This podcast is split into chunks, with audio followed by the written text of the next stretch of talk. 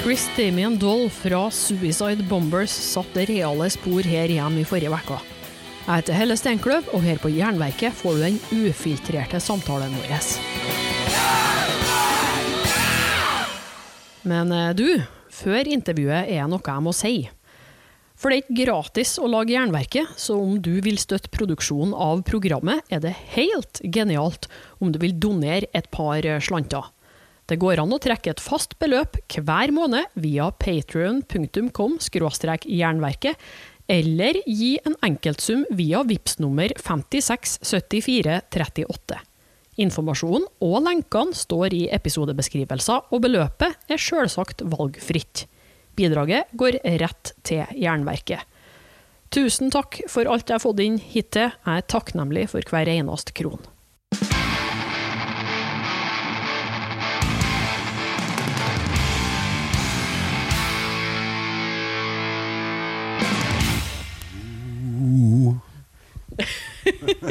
Men eh, nå håper jeg vi skal gjøre et intervju av den norske arten, eh, da, for eh, eh når jeg gjorde sånn undersøkelser på intervjuer og eh, info om eh, deg fra før, mm. så sa jeg jo at engelske intervju dritseriøs. Norske intervju Har jeg gjort så mye norske intervjuer? Det var ikke så veldig mange, men dem som var der, det var sånn både med Trashcan Darlings og Suicide ah, ja. Bombers, var sånn her Ja, nei, vi møttes i 1814 og Uh, den stilen der, da. Så nå er jeg litt spent. Det kan hende. Jeg, jeg, jeg syns, jo, syns, jo, selv at jeg har gjort uh, mest uh, engelske intervjuer. Jo, de er seriøse. Ja, ja, det, er litt, det, er litt, opp og ned hvem, hvem, altså, hvem du gjør intervju med. Sånn. Vi har gjort Jeg tror jeg har gjort intervju med absolutt alle skiver med alle band.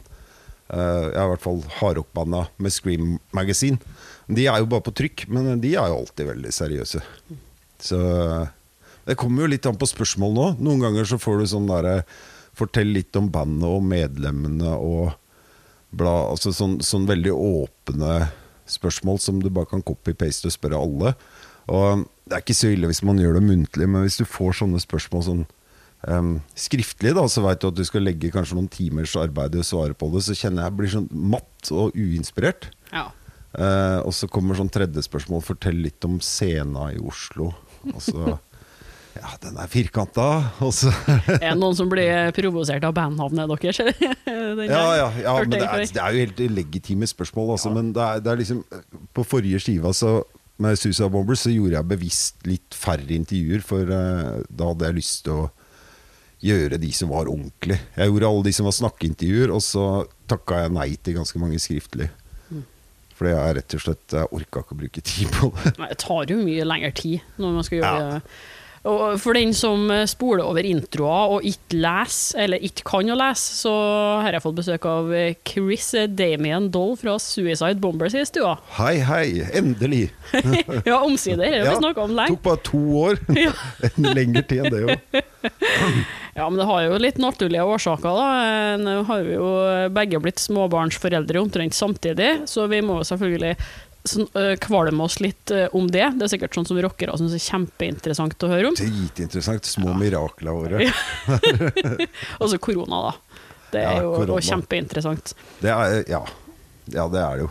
Mm. Nei, så, ja, det var jo det. Pluss at jeg, jeg, var vel litt sånn der brått på med å ta kontakt uh, når vi jeg tror vi var ute med skiva ja, når jeg gjorde det, og da hadde du lang kø med folk som du hadde booka intervju med allerede, så blei det litt Da tok det jo litt tid. Det gjorde det, så. Nå, men nå er jo det det motsatte problemet, egentlig. Så nå er det bare å kjøre på. Sjøl om det er ja, det blir snart to år siden forrige skiva kom, og ja. det er ikke noe nytt aktuelt, men det gjør ikke noe. Nei. Musikken kan jo kjøpes det, det, fortsatt, den. Den kom i uh, Murder Couture, som er den fjerde Suicide Bomber-skiva. Den kom i, jeg tror det var slutten av oktober 2019.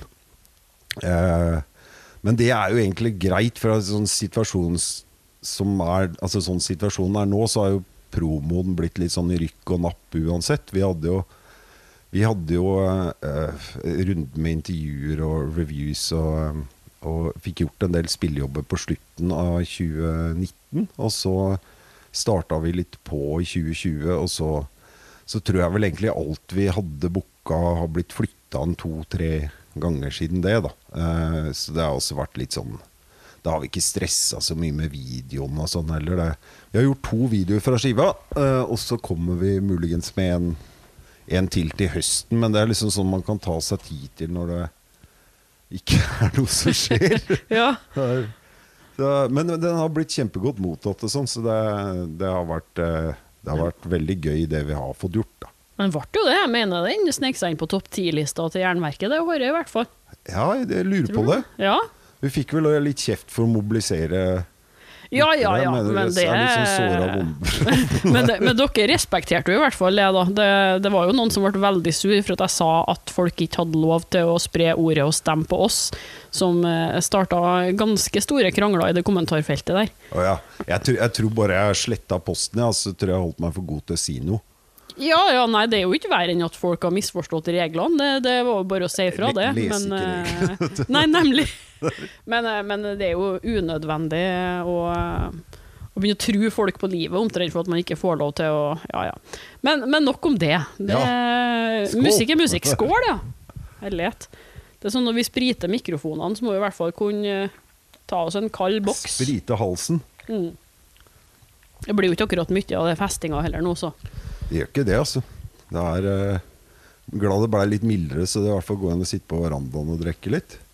Ja, ja, ja, nå er det jo snart mars. Det er jo ikke 50 minus lenger, så det blir jo fint. Det, men altså Man kan jo si så mye en vil om at det er litt sånn kjedelige spørsmål med hvem er bandet og, og sånn, men vi er jo nødt til å få historien fra eller egentlig historien din. Jeg tror ikke vi skal begynne med Suicide Bombers. Jeg, jeg tror vi begynner Nei. med hvor starta den musikalske reisa di, og hva var det første bandet, egentlig? Uh, jeg, jeg, starta, eller blei med i et band sånn på slutten av 80-tallet. Uh, Lurer på om det var sånn 88-89. eh, som var sånn ungdomsklubbband Eh, så der, det var vel egentlig der det begynte. Jeg tror Lurer på om jeg gikk i sjette klasse på barneskolen. Så jeg, det var vel ikke ungdomsklubb heller, for jeg var for ung til det. Eh, de andre gutta var et par år eldre. Eh, der begynte det egentlig. Eh, det var et øvingslokale. Jeg er fra Vinterbro. Det var et øvingslokale som det var litt eldre band og sånn som øvde. Og så fikk vi en dag Lurer på om det var noe sånn blei noen sånn kommunale greier, så jeg tror ikke vi betalte noe heller. Og de andre bandene spilte liksom litt sånn norsk rock og sånn, da, så blei det naturlig å kaste seg på det. Men uh, vi var for dårlige til å spille til å ja, Vi var liksom for dårlige til å spille til å kunne plukke de coverlåtene vi var hypp på å spille. Uh, så gikk jeg hjem og var liksom frustrert over at vi hadde bomma på enda en Raga-låt. Uh, så tenkte jeg sånn faen, Chris. Det du, det du gjør, det er at nå setter du deg ned, så skriver du to egne låter. For dem er det ingen som kan si at du spiller feil. Så gjorde jeg det. Eh, og det eh, kom tilbake med det. Gutta syntes de var kule. De var jo selvfølgelig ikke det, men det hadde i hvert fall begynt på noe. Og så, og så starta det vel egentlig der. Det bandet holdt på en del år, og det blei etter hvert sånn fritidsklubband som spilte på fritidsklubbene rundt omkring i Follo. Um, så det var litt gøy hvis man var på sankthansaften på Breivoll, da, der hvor folk er, og jeg kom fra, så kommer det plutselig bort eh, folk du ikke kjenner og skal ha deg til å spille en låt på kassegitaren og sånn. Så det var sånn første, første spede begynnelsen av stjernelivet på ungdomsskolen i, på Nordby. Nydelig. Ja, det var, eh, ja, det var vel egentlig der det starta. Men var det sånn type norsk rock-stemning eh, over det bandet der, da? Ja, det var egentlig det det var. Altså, de, som, de gutta som hadde dratt i gang lokalet, var et band som het Skralle Tider, som var veldig sånn Raga DumDum-inspirert. Han Eivind som spilte gitar der, spiller vel i Raga Rockers nå. Uh, så, så det var vel det, og så blei det så ble det, mer, det var norske tekster og sånn, så blei det mer og mer glam etter hvert. Men det hang jo ikke de andre kompisene mine med på.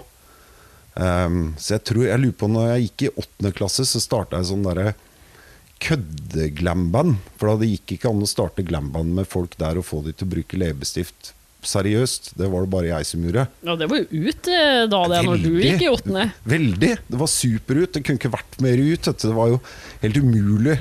Så, så jeg hadde det en måned, og vi gjorde én konsert, og så tenkte jeg det her er det, her er det jeg er hypp på å gjøre. Liksom. Jeg orker ikke å skrive mer norske tekster og gjøre den pakka der. Og da begynte liksom eh, skulle si da, fant Jeg ut at jeg må inn til Oslo hvis jeg skal finne folk. Og det var jo også helt umulig. Der var jo Jeg er ikke så god i matte, men eh, jeg husker ikke hvilket år det var. Det var vel sånn 93-94, kanskje. Det var ingen som var hypp på å ha kule klær og sminke seg da. Eh, bortsett fra meg, da. Så jeg hang opp med lapper overalt. Hørte med alle jeg kjente maste rundt. Og til slutt så dukka det liksom opp folk, da. Helt forferdelige greier. Og så, så tok det litt tid, og så møtte jeg eh, Jeg husker jeg pulte en dame på en fest for å få telefonnummeret til Strange Gentle. så, så, eh, så fikk jeg nummeret hans, for han hadde jeg sett på Guns N' Roses-konserten på Valle Hovin. Han så så kul ut.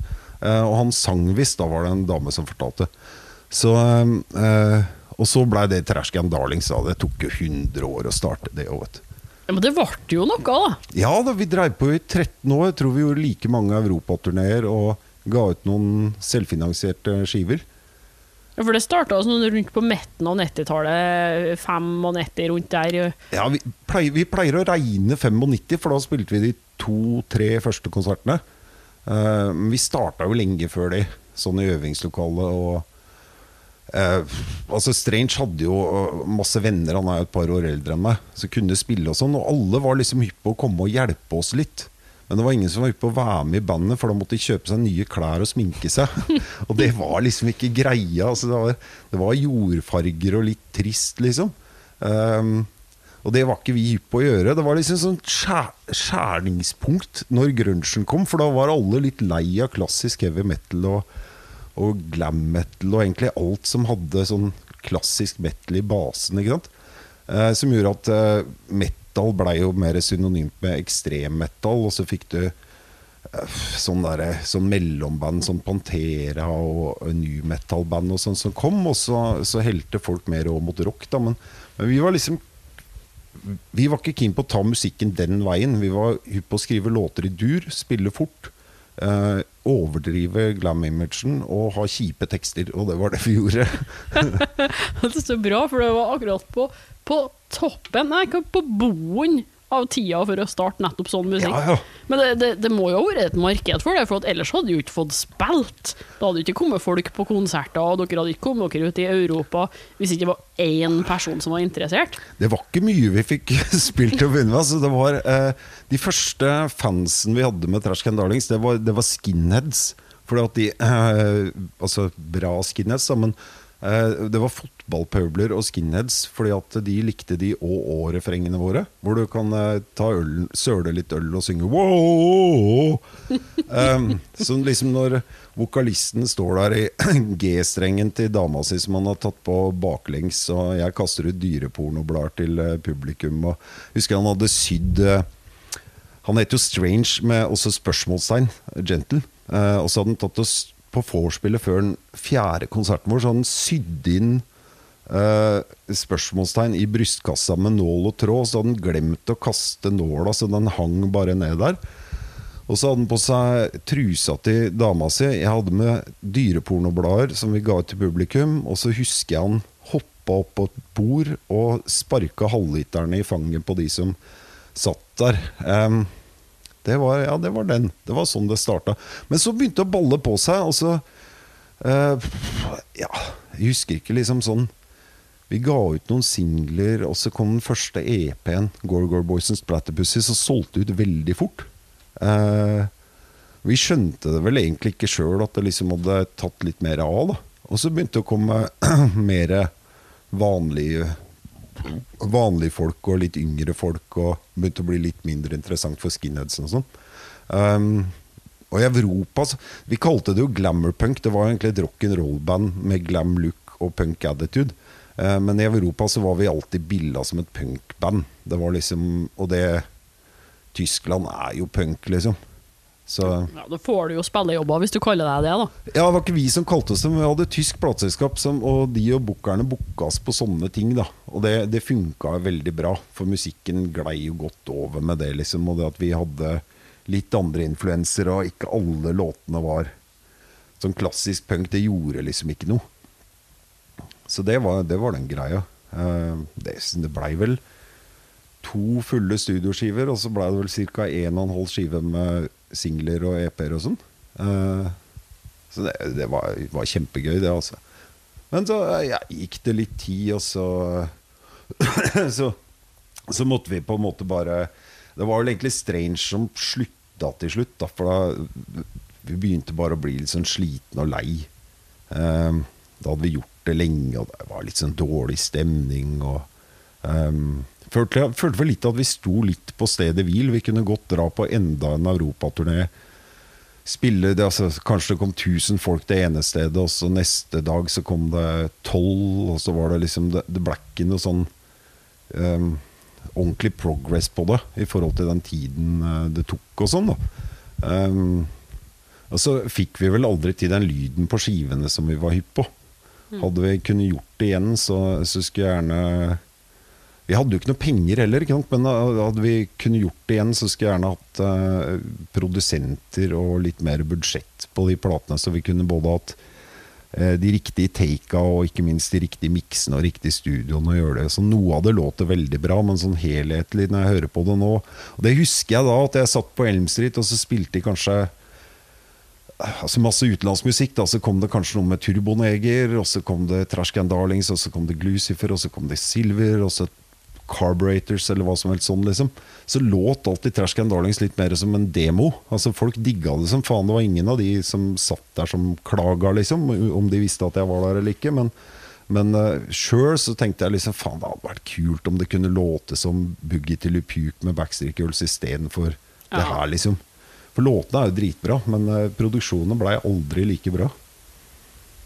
Så da uh, ble det etter hvert å kalle det for en uh, dag, da, som en sier?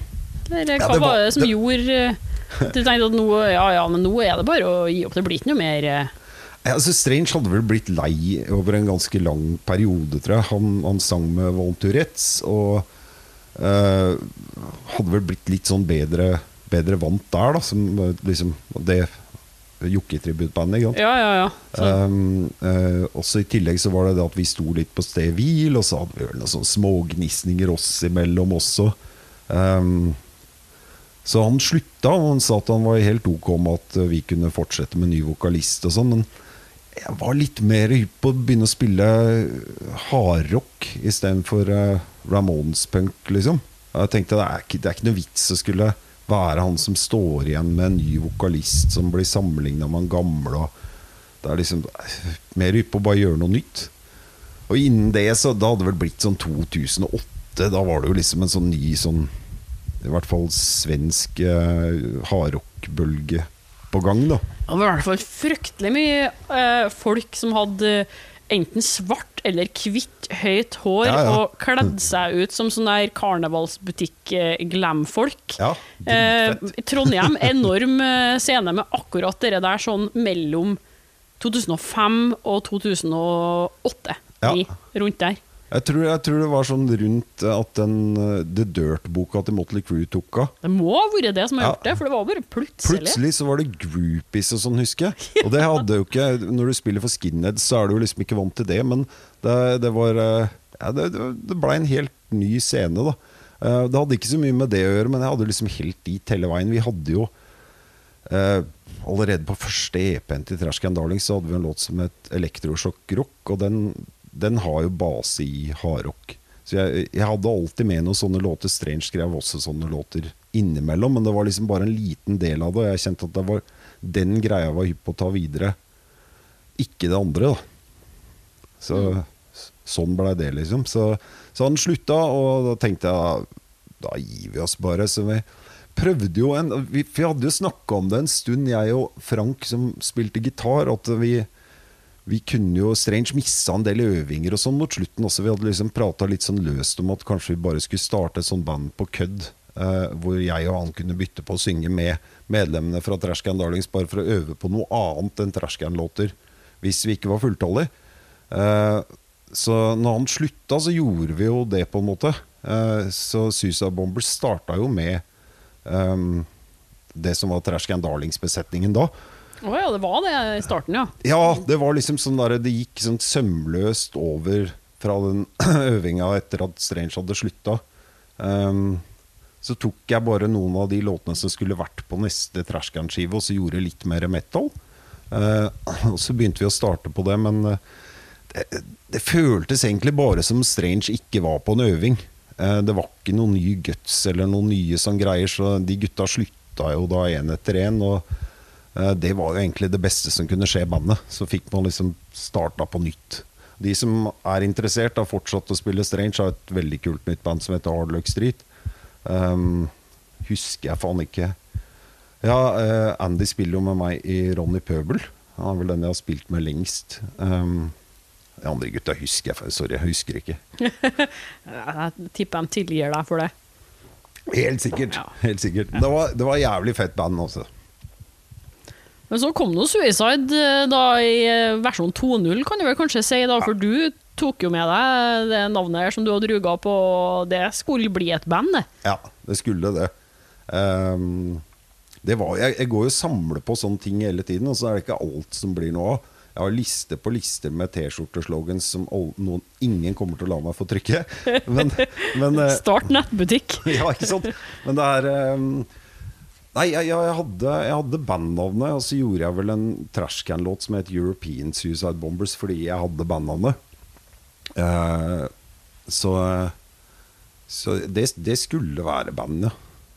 Men hvordan folk var jo fikk raska med deg da? Jeg vet jo at det har underveis blitt skifta ut litt medlemmer og sånn etter hvert som det har passa, eller folk Masse. har slutta, men eh, du, du måtte jo få med deg noen på dette prosjektet, for her var det jo det var du som skulle skrive musikken, eller i hvert fall endte opp med å gjøre det, da. Ja det, ja, det var egentlig tanken min til å begynne med. Det var at um, uh, Altså, Trashcan Darlings hadde meg og Strange Gentles som skrev låter. Jeg skrev vel alltid en del flere låter enn han, men um, han skrev masse, han òg. Altså masse han ikke har fått gitt ut som er dritbra. Men så, det blei liksom sånn at en sånn uskreven regel at vi skulle ha 50-50 av våre låter på skivene. da og han skriver dritbra låter, det gjør jeg, og det funka liksom veldig greit helt til vi begynte å utvikle oss i litt forskjellig retning. Så begynte jeg å kjenne på da at nå, nå har vi låter altså det, er, det er kult å ha noen låter som trår litt utafor pakka. Et par sånne låter kan en skive tåle, men hvis du kan dele skiva i sånn fire-fem forskjellige stilarter, så tror jeg ikke en treffer så mange. Jeg tror ikke vi kom dit, men vi var på vei dit, liksom. Så jeg tenkte at neste gang så, så gidder jeg ikke det. Nå, nå, tar, eh, nå lager jeg en et, altså det er jo det er jo i aller høyeste grad et band med, med folk som bidrar, men jeg tenker jeg lager et ganske grundig fundament, og så, og så får jeg med eh, de som er interessert i å være med og bygge på akkurat det fundamentet. Og en av de greiene sånn til å begynne med, det var at jeg ville skrive låtene sjøl. Uh, nå har jo det forandra seg litt etter hvert. Si Slim som spiller bass, har jo hatt låter på de, Han hadde vel to på siste skiva, én på skiva før det, og det kommer sikkert noen på neste og sånn nå. Så, men det er liksom ikke så nøye. Men jeg var ikke hypp på å komme inn i sånn um, Sånn greie der Å ja, du skriver også låter, da skal du ha med så mange. For jeg tenkte, nå, nå har jeg gjort band, og jeg har gjort så mye Det har vært så mye kompromiss. Uh, liksom ting man har måttet eh, bite i seg, eller Det var jo mye av det som var suksessen med Trashcan, var jo at det blei jo det vi klarte å bli enige om. Um, så det hadde vært et ganske annet band hvis eh, vi ikke hadde vært der alle sammen. Men tenk, nå er jeg på det fundamentet med alle de ideene jeg ikke fikk gjort. så, så det var liksom mye av greia, da. Men jeg, jeg forsto det jo også måtte du egentlig ikke har vært noe øh, så, så mye vokalist før. Du spilte jo gitar og sånt. Hadde du planlagt at du skulle synge òg, eller hadde Ikke i det hele tatt. Eh, det, det jeg visste, det var at jeg skulle slutte å spille leadgitar. Eh, for jeg skjønte at hvis jeg skal gjøre, et, eh, hvis jeg skal gjøre den musikkstilen her ordentlig, så trenger jeg en sånn Widley-Widley-gitarist. eh, som er en helt annen pakke enn det Chuck Berry, Ace Frehley-greiene som jeg spiller. da um, Men jeg tenkte sånn, det er, det er kult å Jeg hadde tenkt å spille rytmegitar, og så tenkte jeg at da så får jeg med en skikkelig bra vokalist som kan få til det. Um, men så var, jeg, jeg tror ikke vi, begynte vel aldri med auditions på vokalister eller kontakta noen seriøst. Jeg spurte et par kompiser som egentlig var opptatt med andre ting. Eh, men så snudde jeg, da, for jeg tenkte at det er jeg, jeg, jeg er hypp på en som kan være frontmann, og det visste jeg at det kan jeg i hvert fall være. Og så får jeg heller bare lære meg å synge. så så det, jo, det var jo det som var greia. Jeg tenkte Istedenfor å stå og instruere en eller annen ung fyr som ser kul ut og har kjempebra stemme i hvordan han skal gjøre, gjennomføre en konsert, så kan jeg heller synge, bare gjøre det sjøl. Det gikk jo bra, det åpenbart. Ja, jeg hadde jo kora i alle år, da, men det, det å kore, det er liksom det kommer helt an på, men uh, i hvert fall når du korer sammen med lead-vokalisten, og det ikke er sånn gangvokal, så, så, former du på en måte stemmen sånn at det passer. Mens når du synger lead-vokal, så synger du med den fulle stemmen din da, og tar den plassen du trenger å ta. Um, så det er to Jeg måtte lære meg det på nytt, pluss at selvfølgelig Selvfølgelig så er jo eh, riff og sånn med Susa Bombers er jo litt mer teknisk.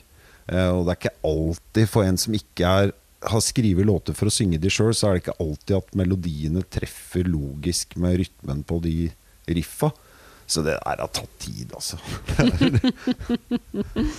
ja, men det er jo sånn man former et uh, band, da. Ja, ja, ja. Du nevnte at du hadde egentlig ikke gjennomført noen auditions på vokalister og sånn, men uh, vet du at det, det, kan være ganske harde auditions når det skal nye medlemmer inn? Da? Har du noen uh, bra historier à la 80-tallet av helt sjuke auditions der du har tenkt OK, hva gjør han fyren her her? Ja, ja jeg, jeg veit ikke akkurat hvor sjukt det er, men vi har jo, vi jo bytta ett medlem per skive. Pluss at vi hadde vel med noen medlemmer mellom Trash Darlings-gutta og førsteskiva til Susa Bombers òg. Eh, og hver gang vi har bytta medlem, så har vi hatt auditions. Og vi har sagt ja til alle som har vist interesse, hvis de uh, passer noen ganske enkle kriterier. da. Uh, men til å begynne med så hadde vi jo ikke den luksusen at vi hadde så mange søkere. Så jeg husker vi skulle kikke etter noen lead, um, lead-gitarer, og da hadde vi et par, uh, par søkere. Han ene, han, ene han, han var i militæret tenkte jeg, Det behøver jo ikke å være noen sånn jævla hindring, men det, høres jo ikke sånn dritlovende ut, liksom. Og så fikk vi melding at han måtte, kom litt seinere, for toget fra militærleiren hans var forsinka. Og så kommer det en sånn fyr med sånn halvveis militæruniform, og da selvfølgelig helt kort hår og sånn. Altså så en sånn billig japansk gitar med en sånn fuzzboks som sikkert passa bedre til å spille dårlig black metal. Han kunne ikke spille i det hele tatt. Så liksom, vi bare flira. Eh, etter det så har det jo blitt mye, mye, mer seriøse folk og mye enklere å få til. Da. Så um, da har man jo liksom eh, For å si det sånn, hvis ikke første, andre og tredje valg er interessant, så, er interessert, så kan du fortsatt uh, ha bra folk du kan spørre. Mye av grunnen til at vi har gjort det, er også fordi det er kult å bli kjent med litt folk og spille med litt flere. da. Kanskje du kan eh, fortelle litt om platene òg. Det har jo blitt fire stykker, og jeg ser jo at det er en rød tråd her. Hva er det, ja? eh, nei, altså For det første så hører du at det er dere eh, både på spillestil og særlig vokal, men plateomslagene mm. eh, et, eh, et, lystig antrukket lag mannfolk. ja, skal ha fine klær, altså. Ja, alltid gjennomført. Og bestandig, på hver skive, minimum én intro, i hvert fall i starten. Ja, og eh, men, eh, ja, ikke sant? Og, så, så, der har de ei oppskrift, da, merker jeg. Ja. Men eh, det må jo være noen sånne små vrier fra plate til plate for det. Så ja, det er, altså først, Førsteskiva så var vi jo egentlig bare hypp på å gi ut en klassisk debutskive. Vi hadde jo en sånn um, Criminal Record, det. Ja, Criminal Record kom i 2012, og så kom det på vinyl i 2014. Uh, eh, vi var hypp på uh, Vi var hypp på å gjøre en god debutskive, sånn som de, uh, altså de banda vi liker sjøl. Der du på en måte sier at debuten er dritbra, som gjør seg merke. Og vi hadde jeg, eller vi, etter hvert hadde også en sånn idé om at vi skulle egentlig gjøre skiva før vi begynte å gjøre konserter. For jeg kjente litt på det der at uh, nå, nå, trekker jeg med meg litt publikum fra trashcan-tida. Og da er jeg, jeg er litt forbi den der greia at jeg kan spille låter live i tre år før plata kommer, så alle er lei de, liksom. Så vi, vi jobba veldig mye med det, øvde, og, og låtene var jo mer enn bra nok. Um, og spilte det inn og uh, blei vel egentlig fornøyd med innspillingen. Og så, Og så var det litt den der greia at det er Intro kan være jævlig kleint, men det er liksom hvis du hører på sånn som Zodiac Mindwarps, Wolf Child Speech eller In The Beginning på Motley Crew og sånn, så er det veldig sånn stemningssettende for en plate. Eh, og det bandet her er jo 100% seriøst, fullstendig over the top. Så, så jeg tenkte da, da gjør vi det. Vi, vi, tar og lager en intro. Eh, og så hadde vi en outro. Um, og det var vel egentlig eh, det som blei debuten. Da er det jo sånn med debutskiver at det er vel kanskje den eneste plata du gir ut noen gang som du må spille hele live. Um, fordi at det er det folk har hørt, og det er de 10-12 låtene du har. Så ligger Ja. vi an. Nei, nei, nei, nei, jeg skulle bare se hvordan lyden var. Ja, ja, ok. Ja, ja nei, det er fint. Så eh, Ikke at vi har jobba noe mindre med de andre skivene, men, eh, men det, det var liksom veldig viktig at det ikke bare var en god skive, men at det ville bli en god konsert av det.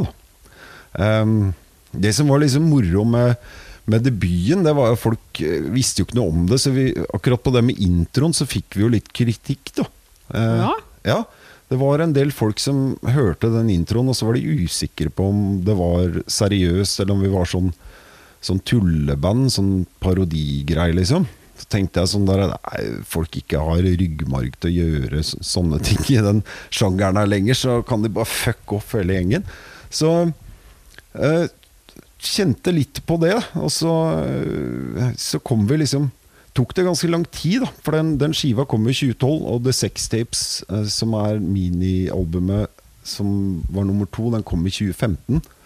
Det var mange grunner til at det, det tok eh, lang tid.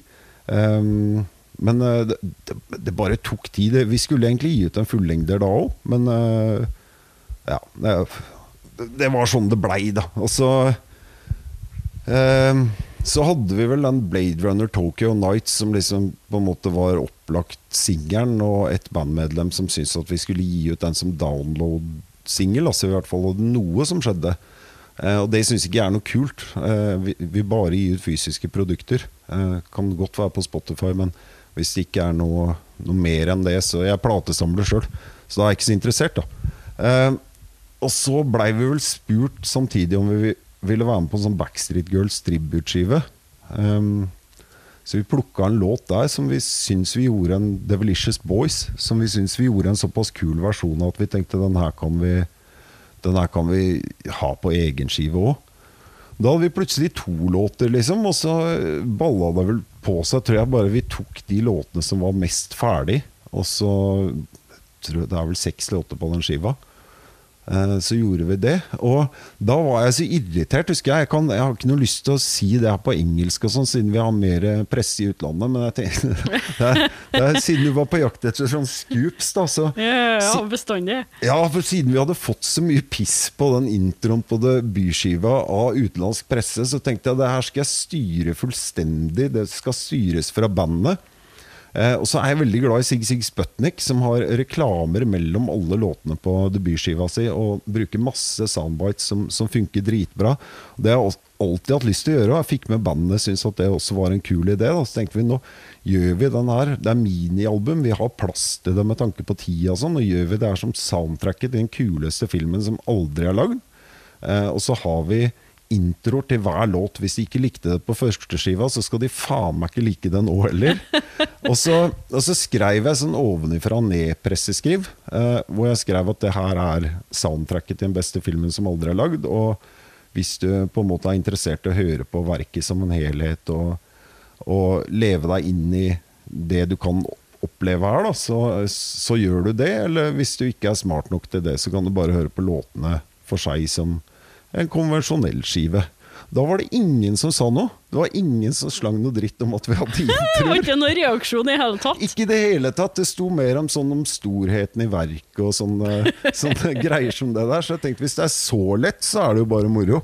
Men, men det, det var Det kom vel først og fremst da at vi hadde lyst til å gjøre det, fordi det var en greie som, som sto på planen. Og så, og så var det egentlig det der for å få slått ned på, på de dårlige anmeldelsene. Eh, Fet idé, altså. hæ? Er fet idé, altså. Ja, jeg, jeg syns det blei godt gjennomført òg, mener jeg. Og ikke bare ideen, men Ja, jeg syns det blei veldig kult. Vi har jo, eh, jeg har en god venninne som heter Maria Maxwell, som har eh, miksa og de eh, siste skiven, og hun er jo veldig flink på sånn studioting, synter og samples og sånn. Så, og så er det en amerikansk fyr som heter Dave Durglin, som har gjort det meste av voiceoverne for oss. Um, så de greiene der blir jo bra, liksom. Eh, og da er det moro å gjøre det òg.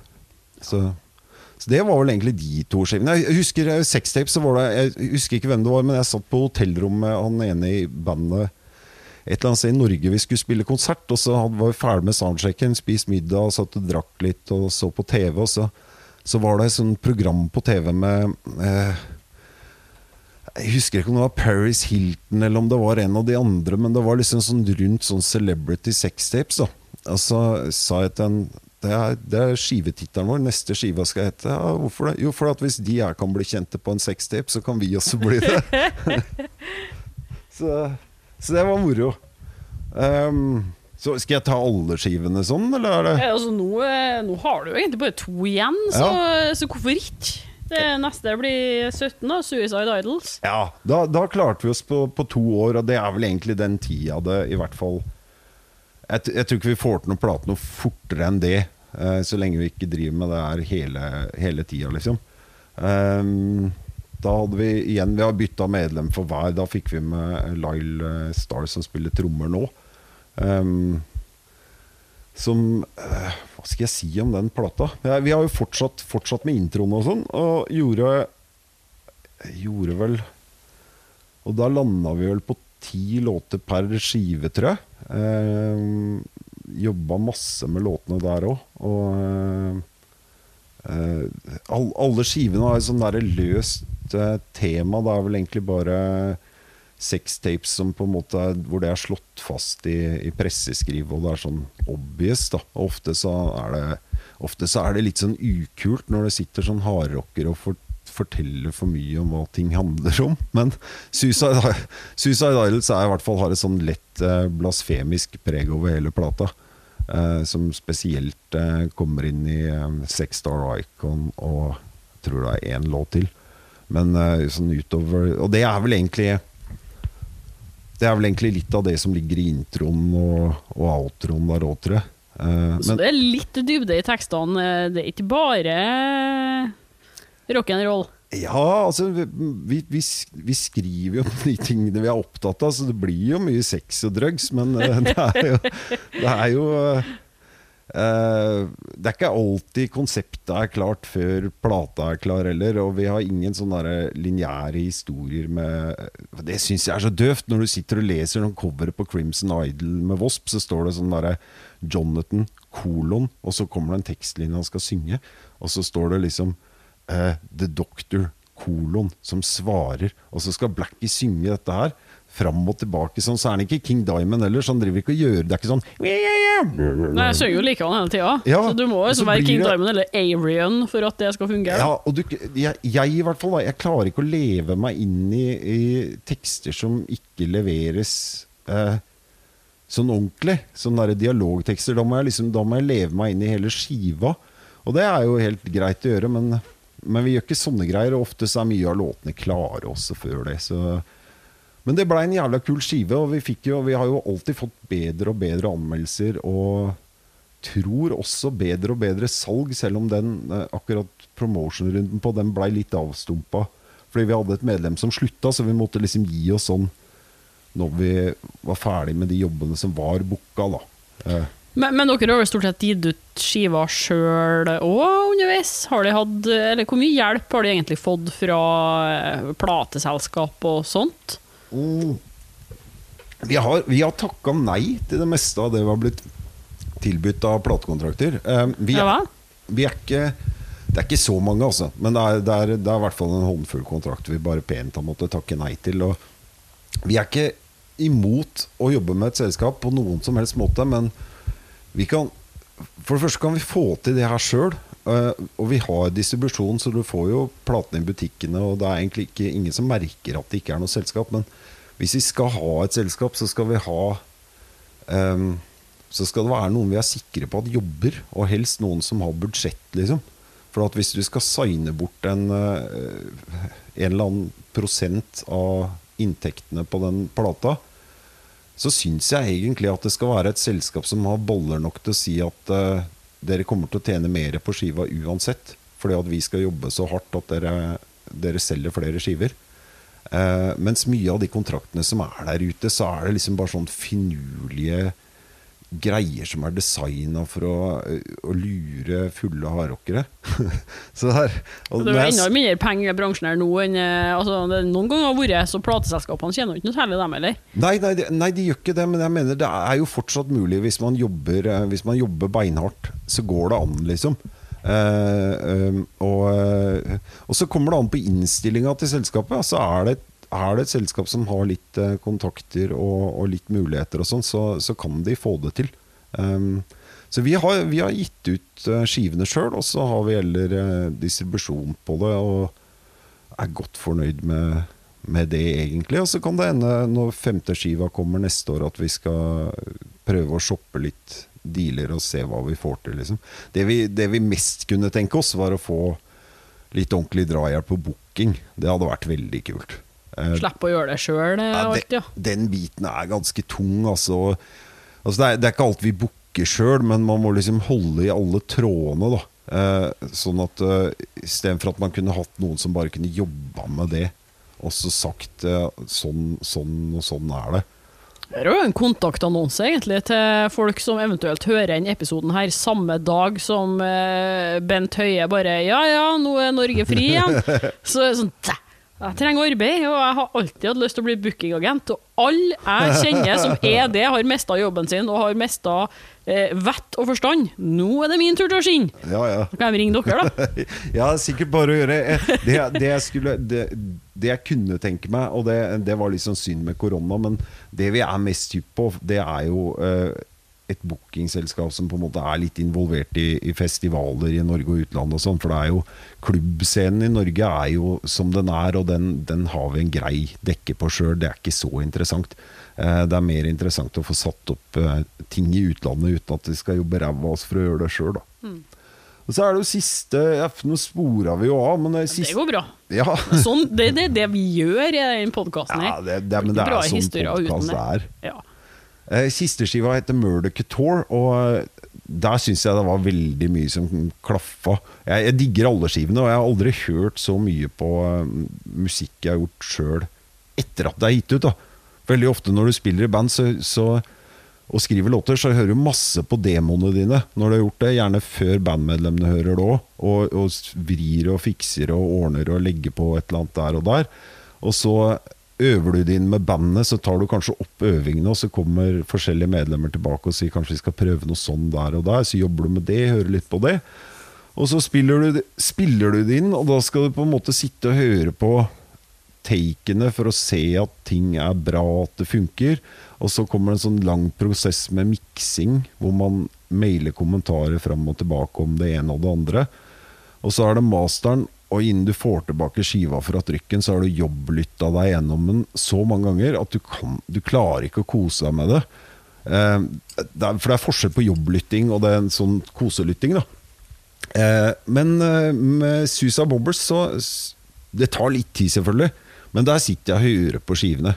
Og kan kose meg med det. Nå er jeg ikke så jævla mye på trening og sånn nå lenger, men før så, før så var jeg jogga litt, og da, eh, da hørte jeg ofte på meg sjøl. Og det er selvfølgelig mest morsomt med uh, Altså for et par plater siden.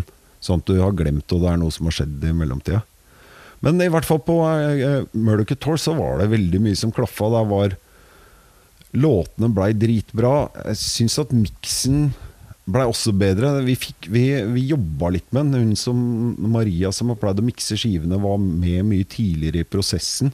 Sånn at vi fikk eh, mikka opp ting litt mer riktig og brukt litt annet utstyr, og sånn, som gjorde at vi fikk en mer organisk lyd på, på trommene, som, som hjalp veldig. Eh, og så ja, syns det gikk bra. Det er knallsterke låter på den nå, og uh, alt, alt funka egentlig. De kuleste videoene vi har, har vi gjort fra den, selv om alle videoene har vært kule. Så og det, Vi har også merka det på salget. Vi har Både norske og amerikanske distributøren vår har eh, på en måte Sånn I forhold til USA så pleier jeg å uh, pleier vi å regne over sånn cirka uh, med med, med de, da, hva som er pre-orders og sånn, og så sender vi sånn rundt regna det og sånn en del ekstra. Men nå har vi måttet sende, ettersende en sånn tre-fire ganger fordi, Ja. det, fordi folk kjøper det. Det er jo Eh, kjempebra. ja, og samme med, samme med Norge, vært masse nedom. Men videoene, da, føler jeg at det har eh, mye å si for oppmerksomheten. og sånn, så Før så ga jo alle band ut videoer, og enten de var dårlige eller bra, så elska jo folk å se på. Og de ligger jo på den her eh, gamle stilen med damer i undertøy og bil og høye hus i USA, og det er liksom Ja, der, da. Ja. Eh, det er sånne videoer Funker det, eller er det mye folk som blir sånn her Å, du kan ikke objektivisere damene på den måten der. Ja, Å ja, du fått Cancel? Culture Club. Ja, har du fått noe sånt? Karma Chameleons. Det er, eh, det jo, vi, vi har jo masse sånn. Det er klart Du kan ikke kalle deg sleazefyrer, gå på scenen med modifisert SS-hatt, ha et band som heter Suicide Bombers, og halvnakne damer i videoen, og ikke bli litt sånn påvirka av det. Men jeg, jeg tror folk eh, Noen liker sjarm og glimt i øyet, og at ting er litt eh, kult, selv om det aldri egentlig er noe humor med oss. Um, Det er Forskjell på humor og det å ha det artig.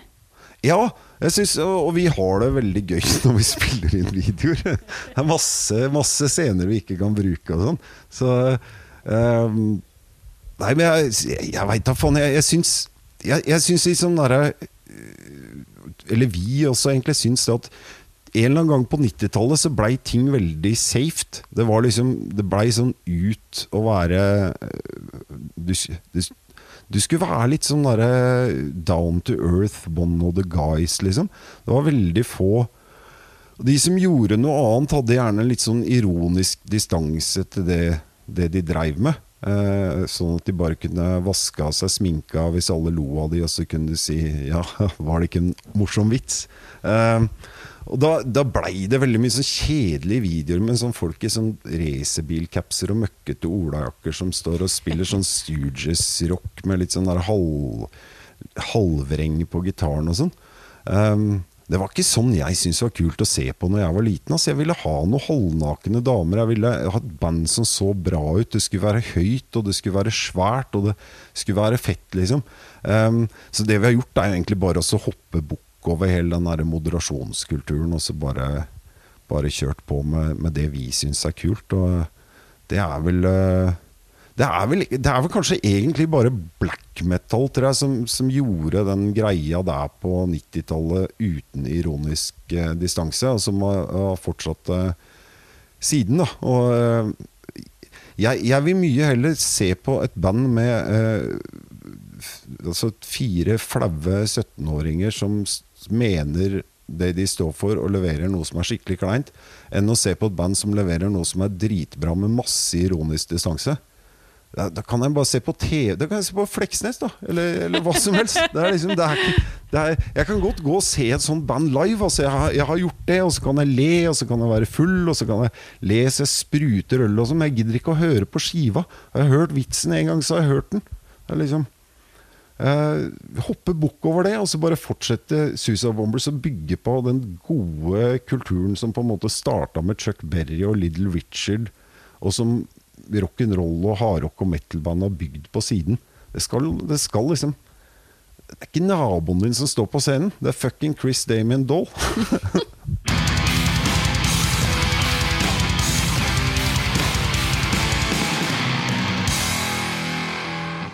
Jeg digger at de tar det så seriøst, og det er det som det er, det som er bra. Eh, og at de har den der ordentlig gjennomførte antrekksstilen, da. Fordi at det har jo blitt slappere og slappere at band ser ut som en enhet, og det har jeg tatt opp i flere intervjuer.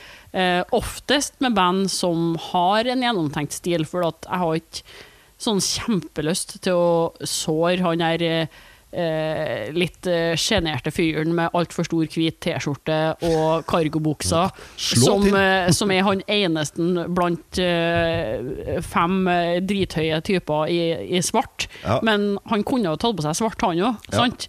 Så Det har litt med baller å gjøre, hele, hele greia, tenker jeg. For det, det er altfor få band også som, som jeg tror er veldig åpne på det.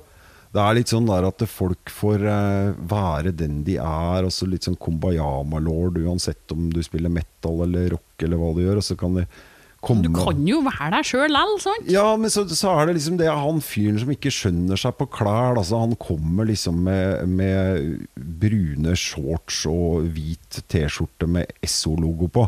Og det er liksom mens alle de andre har nagler og, og røde klær, f.eks. Og det er liksom det er et eller annet gærent, ikke bare med han med Esso-T-skjorta, men det er noe gærent med resten av bandet òg. For at det er, du må ha det å spille i band handler ikke bare om musikk, det handler ikke bare om image heller, men du, du må jobbe med musikken sånn den er dritbra, og alle leverer, og alt fungerer, men du må jobbe med alt resten av det minst like seriøst. Og hvis en fyr kommer på sånt, så, så må det gå an å sette seg ned og prate om det. Det er liksom og Så får man vurdere, da, om man er så Mest sannsynlig så er, så er han bare blind, han.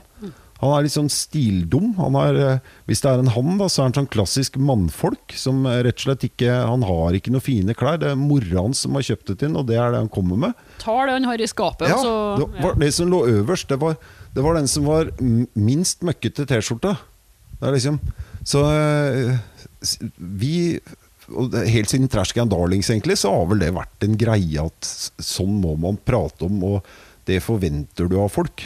Eh, det har vært så heldig at det har hele veien vært på en måte de beste musikerne som har kommet på audition, har også eh, vært med på den greia. Og med, med Trashcan så var det ofte litt sånn dytta ned over huet på folk. For det var jo ingen på, på vår alder på 90-tallet som hadde sånne klær og syntes at det var kult. Så, og liksom Nei, du, ja, du må bruke leppestift.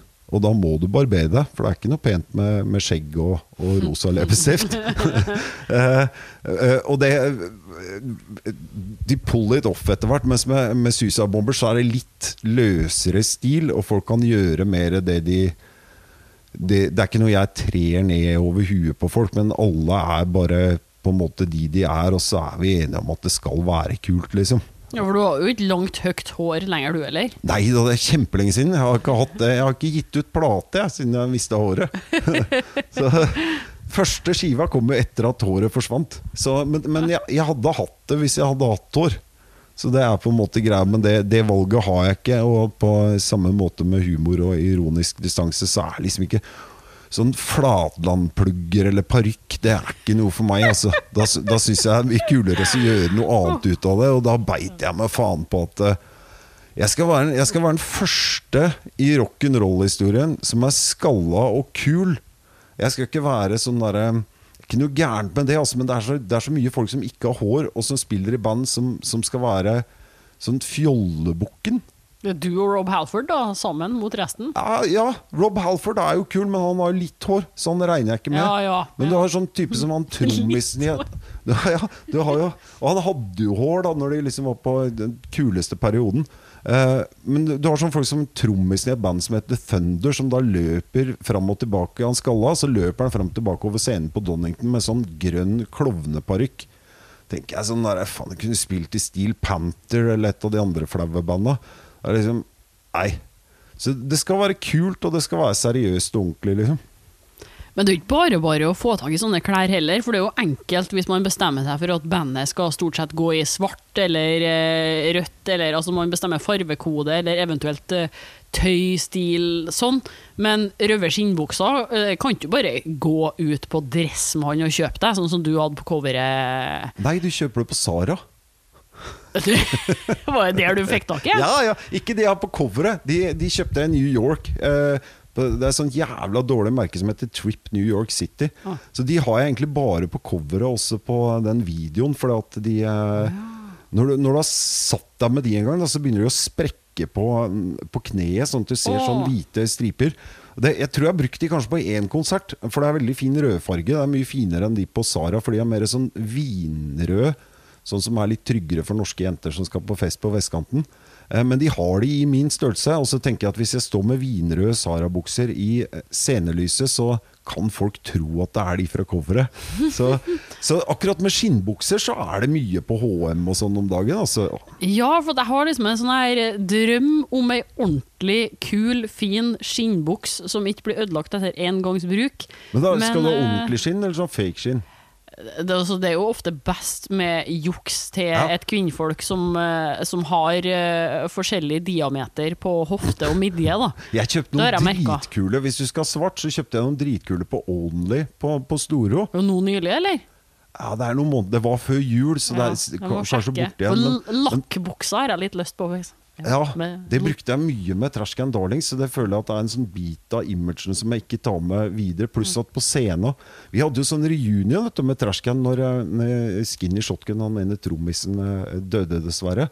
Så hadde vi sånn innsamlingsfestivalsak for å samle inn penger til barna hans. Eh, og da gravde jeg bakerst i skapet, og så fant jeg igjen lakkbuksene fra Trash Can Darlings. Og det, det det har vært en utvikling på fakeskinn siden den tida der. Altså. Er sånn, de, de er trange, ikke sant. Altså, når, du, når du tar de av, så er det akkurat som bare Da, da slipper all svetta.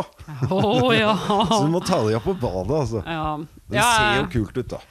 Jeg hadde jo en periode der jeg gikk veldig mye sånn med sånne falske skinntightser. For jeg fant et merke som da både var høyt i livet og eh, hadde liksom plass til det jeg ville ha plass til. Ja. Men, men det er ikke det samme med en tights som ei ordentlig buks, og det må jeg si at jeg misunner dere guttene, for de fleste menn her sier jeg, jeg skal ikke være ekkel mot noen, de fleste menn har en relativt rett kroppsfasong.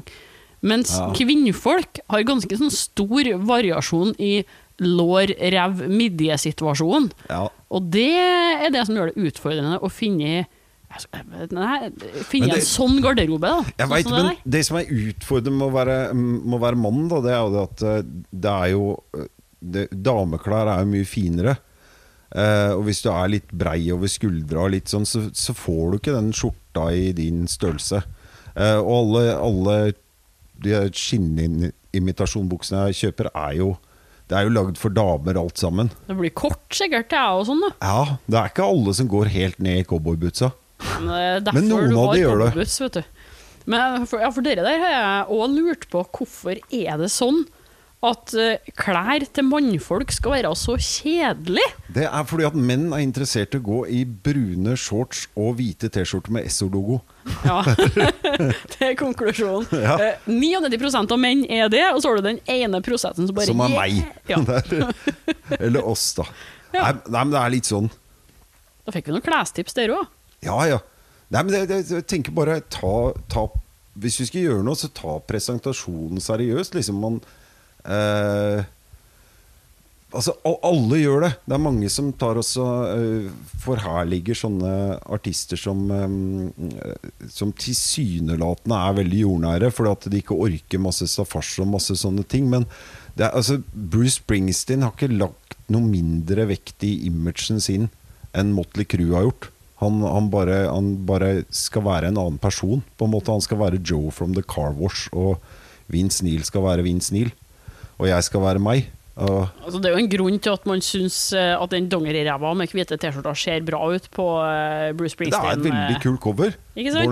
Man har kjempe- tenkt på det. Ja, det var jo ikke tilfeldig, det. Det er veldig tenkt på. Og jeg, jeg tenker at de som, de som virkelig ikke gjør det, da tenker på image og presentasjon og sånn, de er ikke noe mer ekte. De er bare, de har bare lagt mindre jobb i det de skal presentere. Eh, enkelt og greit. Og så er det jo smak og bak på akkurat hva man liker, og sånn, men ting burde i hvert fall være proft gjennomtenkt og ordentlig lagt fram.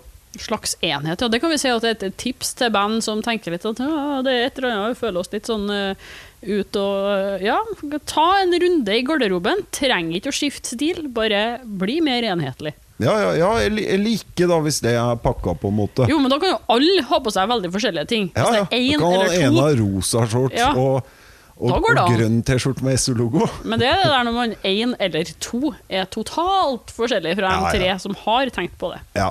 Ja, ja men det er bra. Nei, men jeg synes det, er, det er en sånn greie, men det syns jeg der, der har man altså Uansett på hvilket nivå du driver band sånn reelt, så, så er det ikke noe moro hvis du, ikke, hvis du ikke driver det som om det er verdens aller største band. Det er liksom eh, Og jeg tror du kommer deg heller aldri noe videre hvis du ikke leverer ting som er gjennomarbeida og proft. Altså. Syns jeg er veldig morsomt òg at du sier, for eh, jeg nevnte helt i starten her at eh, vi begge har jo fått unge omtrent samtidig. Ja. Og det der å Være en uh, rock'n'roller, heavy metaller, uh, vant til å være oppe om nettene og bare tenke Det er jobb på dagen og rock på natta. Plutselig så kommer det en person til inn i livet der. Ja. Det går jo ikke an å kjøre party 24-7 lenger, da. Nei! jeg kjenner jo på det. Jeg kjenner ikke meg annerledes, men jeg kjenner jo på det. Hva, hva, Ja. hva tenker du der, som eh, jo da forhåpentligvis skal ut og være utøvende musiker igjen, når det er lov? Ja det, ja, det skal jeg definitivt. Og det blir jo party 24-7. Det, det er jo bare sånn altså, Jeg tenker det er, det er tyngre å stå opp eh, om morgenen, det er det. Eh, og så, er det jo selvfølgelig sånn at de eh, Vi kan jo bytte på litt, vi hjemme, hvem som, hvem som tar ansvaret den og den dagen. Sånn at hvis jeg kommer med fly hjem fra en eller annen festival, så selv om det er på morgenen, så behøver det ikke å være mitt hovedansvar å være pappa akkurat den dagen, kanskje. Du skjemmes ikke eh, hvis datteren datter di ser deg litt sliten på baderommet. Da er det sånn bare Nei, pappa har vært på festival, han. Sånn er det i dag. Nei, jeg, jeg, jeg, syns, jeg, jeg, syns vel det er Jeg har ikke noe lyst til å være sånn at hun blir skuffa og ikke får den oppmerksomheten hun skal ha. Eh, så, så, så der te tenker jeg litt, men, men eh, det er ikke nødvendig at eh, Altså, Vi er to stykker hjemme, så jeg, vi behøver ikke å gjøre alt hele tiden, begge to. Det er mulig å, at den ene tar en trilletur eller en tur bort til Akebakken og liksom gjør, gjør sånne ting. Da. Så Da blir det kjerringa som skal dra på verdensturné etter deg igjen, da. Ja, få se på det. det er, eh, jeg, jeg stiller jo i hvert fall opp, jeg også, når det er noe. Så, og det er jo? Det er jo bare, det er bare moro. Det er sånn der klisjé, men, eh, men eh, Og jeg, var- jo, jeg er jo ikke noe sånn spesielt interessert i barn. Jeg, likte jo ikke barn i det hele tatt. Synes at Når kompiser fikk barn, så syntes jeg bare det var litt sånn kjipt, for det betydde jo egentlig at eh, da var de mer opptatt. Eh, så det har liksom vært holdninga hele veien. Og så plutselig så kommer hun, og da, da blir jeg den stereotypiske hardrock-pappaen som er ute og spiller konserter, og, og, og pappa etterpå.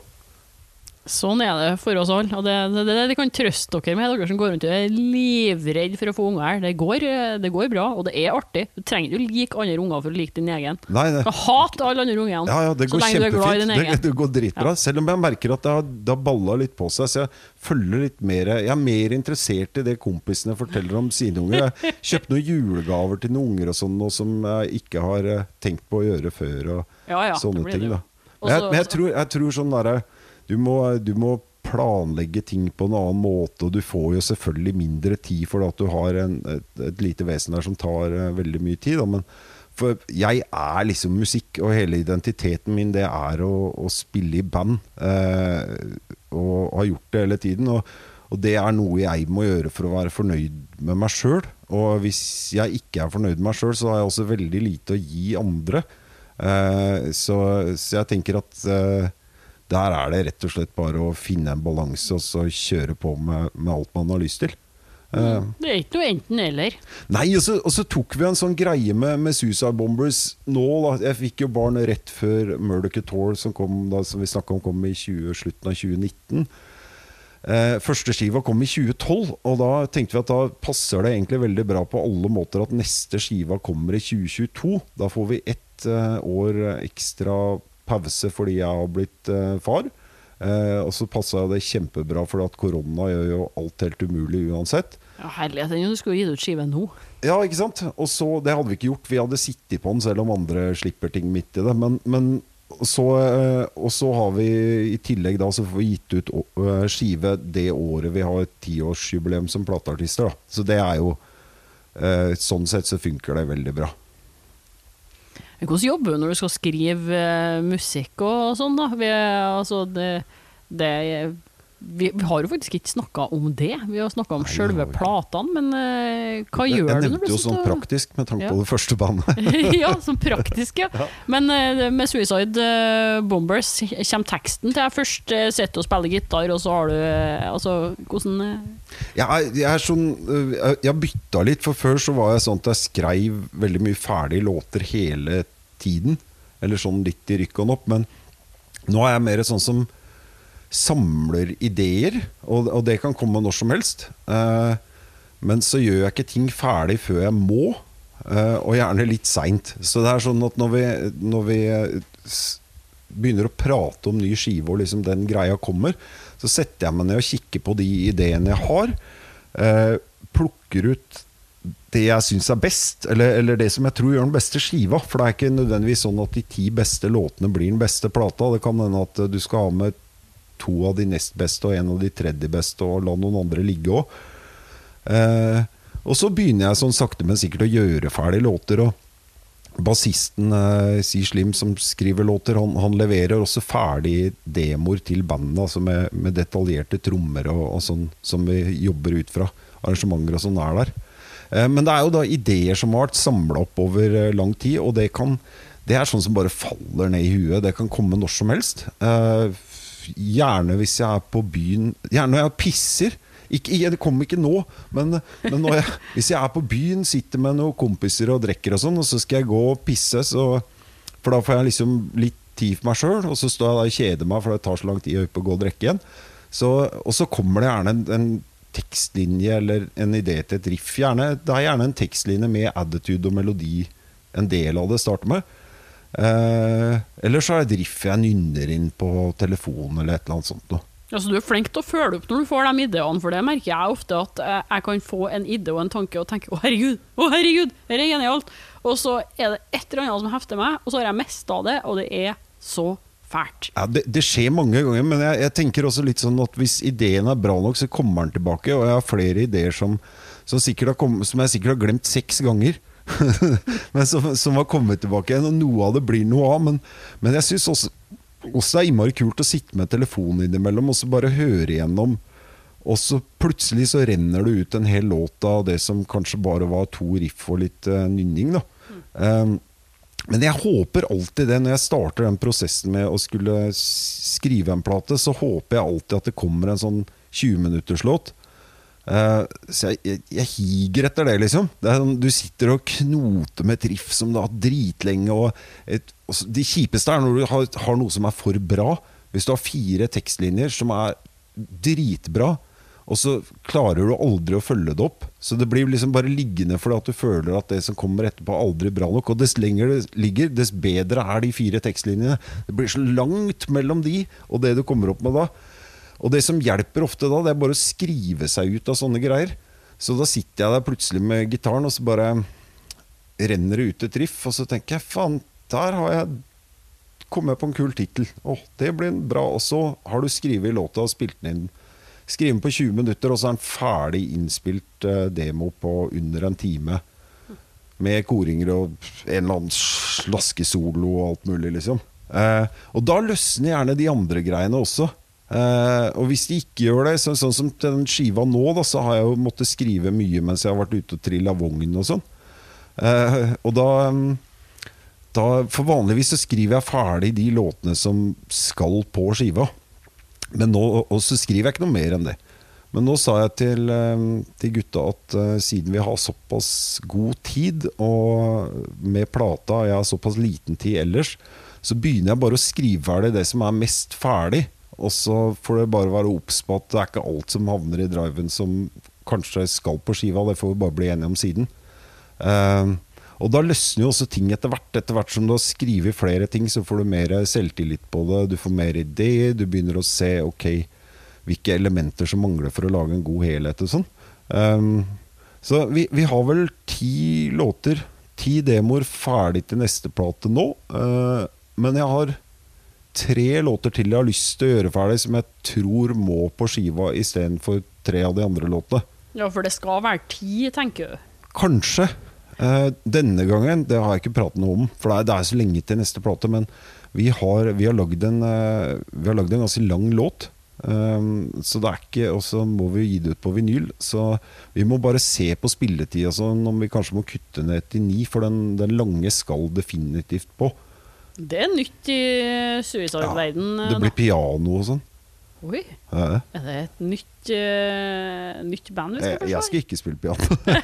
Nei, men vi har, vi, har litt, vi har litt utvikling på hver plate. Altså, jeg jeg syns ikke det er noe kult med band som skal finne opp hjulet for hver eneste plate. Jeg syns det er kult at man har eh, vi- Vi har liksom rammene som er Suicide Bombers, og så går vi litt utafor det innimellom. Men det er alltid en alltid, Det er alltid noe nytt per plate. Uh, det blir litt mye å skulle gå gjennom, eh, gå gjennom alle greiene, men på um, på eh, Suicide Idols for eksempel, så hadde vi Sex Star Icon, som da hadde en litt annerledes tekst, og som, som var en sånn treig, suggerende heavy metal-låt. Um, som ingen liker, da, men det var i hvert fall noe nytt. uh, og andre ganger så har vi hatt mer suksess med det. Um, og nå husker jeg ikke hva det var som var litt på sidelinja på, på Murder Couture. Men denne gangen så kommer det i hvert fall en låt som jeg tror er nærmere åtte minutter eller noe sånt, med, med masse forskjellige partier og piano og um, så, så det er vi litt spent på, men jeg syns også det er kult. Da har man, da har man noe mer å prate om. Og eh, lytterne Det er ikke bare Johnny Be Good igjen med ny tittel. Veldig interessant. Men det der med ikke bare Johnny Be Good med ny tittel, eh, det har jeg jo sett deg uttalt at uh, veldig mange Altså, dere blir jo karakterisert som et band under sleaze-paraplyen, sjøl om dere ikke eh, bare er det. Men jeg humra litt når du nevnte at uh, mange band innenfor den sjangeren egentlig bare uh, reproduserer, eller de, de har hørt på Mötley Crew, og så har de hørt på Rat, og så har de blanda sammen dem to og laga en låt som Maks. er helt likedan. Ja, det er maks, altså. Ellers har de bare tatt riffet fra verset til uh, You're in love, og så har de eh, lagd ny tekst på det. Det er bra låt, da.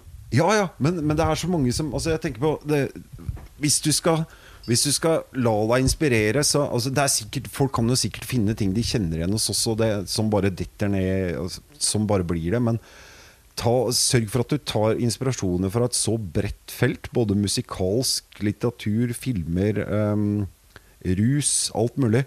Og så bare Så tar du på en måte inspirasjon, og så gjør du noe eget ut av det. Og så må du passe på å ha nok personlighet til at det blir eget. Da. Det er liksom sånn eh, Paul Stanley fra Kiss pleier å si Han har to sånne greier. Han pleier å si at låta 'Hotter Than Hell' Det er hans uh, 'All Right Now' med 'Free'. Og De låtene er ganske forskjellige. Jeg hadde aldri catcha det hvis han ikke hadde sagt det. Nå under korona så hadde han en sånn eh, Instagram-greie som han, eh, som han forklarte om låta 'Love Gun'. Um, og, og det har jeg heller aldri tenkt på, for den går i moll. Ikke sant? Og så er det sånn I really love you, baby. Og Det er egentlig en blueslåt som han hadde hørt når han gikk forbi Central Park og det var utekonsert. Dun, dun, dun, I really love you, baby. Som gikk sånn. Um, ingen hadde tatt det, ikke sant? og det Love Gun er definitivt ikke noen blueslåt. Så um, det, er, det er ganske stor forskjell fra det. Nå har jeg ikke, nå har jeg ikke lyst til å ta eksemplene andre veien, for da må jeg sitte og disse band som, eh, Ja, nei, det trenger ikke som men, men det er altså Det er ganske mange band jeg kan sitte og plukke Som du kan plukke hele låta, liksom. Eh, og si at det, det der er en eh, 80-talls diskolåt som de har lagt gitar og ny tekst på. Eh, og så kan du høre de ved siden av hverandre, og så er det akkurat samme låta. Da er jeg ikke så interessert, på en måte. Men det, det, har jo, det har jo litt med å blitt voksen å gjøre òg. For jeg husker jo at når jeg var eh, 16-17 år og gikk på byen første gang, og de som var i 40-åra da skulle prate med musikk med meg, og jeg liksom drev og prata om uh, Sex Pistols og Wasp og Motley Crew. Og, og så er det en eller annen sånn der full 45-åring som har fått uh, fri fra kjerring og unger og er tilbake på stedet han vanka når han var 20, og er litt sur for han ikke har samme statusen der lenger. Og så du hører på bare dritt. Black Sabbath, det er det siste bandet som gjorde noe bra. Så tenker jeg kanskje det har blitt litt sånn. Ja, øh, jo, ja, men man blir jo kanskje litt sånn med årene. Jeg har hørt alt, vet du. Men jeg regner jo med at du hører på litt ny musikk òg. Ja, altså, ja. Hvis du skulle ha trukket frem øh, no, eh, noen nye, da. For det klassiske er jo at eh, du har sendt eh, Eller du har jo sikkert laga ei spilleliste og sånn som vi kommer til å legge ut uh, Ja, sammen med podkasten her. Eh, og, og der er det, Det er mye klassikere, og sånt. Wasp-plata bare. For det skulle være ti låter. Men, men altså, jeg regner jo med at det, det kommer inn noe ny musikk til deg òg. At det ikke er bare klassikere. Det gjør det, men eh, det som, det som er greia, er at Noe stalltips der?